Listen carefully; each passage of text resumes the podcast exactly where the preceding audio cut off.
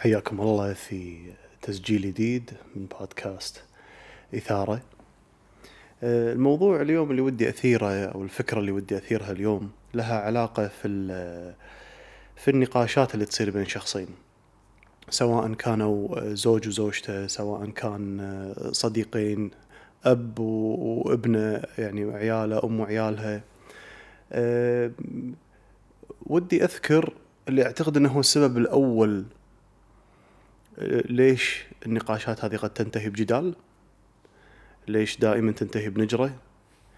أه ليش نحس في أه ضغط وقلق ان ما قاعد نفهم بعض؟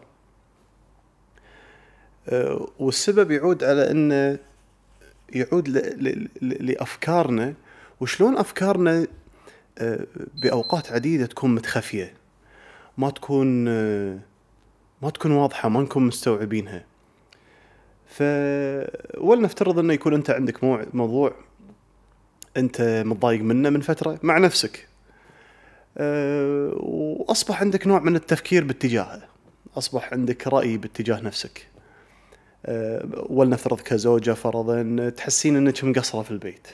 أو كزوج تحس أن أنت أه ماديا مو موفر لأسرتك اللي أنت ودك توفره. وصار عندك آراء معينة باتجاه هذا الموضوع. الحين اللي يصير إن من كثر ما هذه الأفكار تكون متخفية إذا الطرف الثاني فتح معك موضوع مشابه مقارب آه للنقطة هذه على طول راح تكون ردة فعلك آه حادة دفاعية ولكن اللي أنت ما قاعد تشوفه إن ردة الفعل هذه قاعد تصير للصوت اللي داخل راسك. أعتقد كل واحد فيكم يمكن مر بنجرة أو في نقاش والشخص اللي قدامه عصب وتنرفز وأنت تحس إنك أنت ما قلت شيء أو أنت ما قلت أصلا الكلام اللي هو قاعد يقوله. تقصد أنا كذي؟ شلون تقول عني كذي؟ وأنت يصير فيك أنا ما قلت هالكلام اهدى. أنا ما قلت شيء. هني عادة أنت كمعصب الشخص اللي عصب أو الشخص اللي تنرفز لازم تستوعب إن ردة فعلك كانت لأفكار معينة أنت شايلها معك. و... و... ولازم تحاول تحضر مرة ثانية ترد في منتصف الحديث تستمع للشخص اللي قدامك تحاول تفهم النقطة اللي قاعد يحاول يقولها.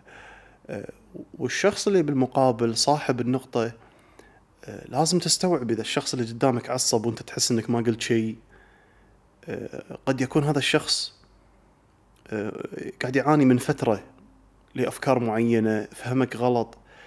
فمن واجبك الصبر ومن واجبك محاولة شرح النقطة مالتك أكثر من مرة. ولا تنفعل أنت كذلك ولا تعصب. والتزم الهدوء. فأنا أعتقد أن العديد من جدالاتنا ونجرتنا تخف إذا استوعبنا إحنا قاعد نناجر منه.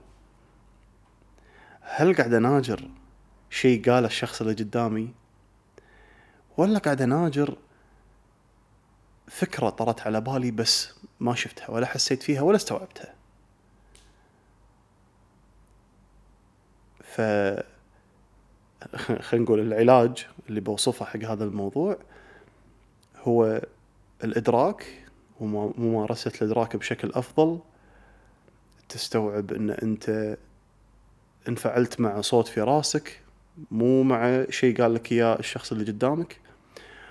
وأنت يا الطرف الثاني لما تستوعب أن كلنا كبشر نعيش بين واقعين ما بين اللي قاعد يصير خارج أذهاننا وما بين اللي قاعد يصير داخل أذهاننا.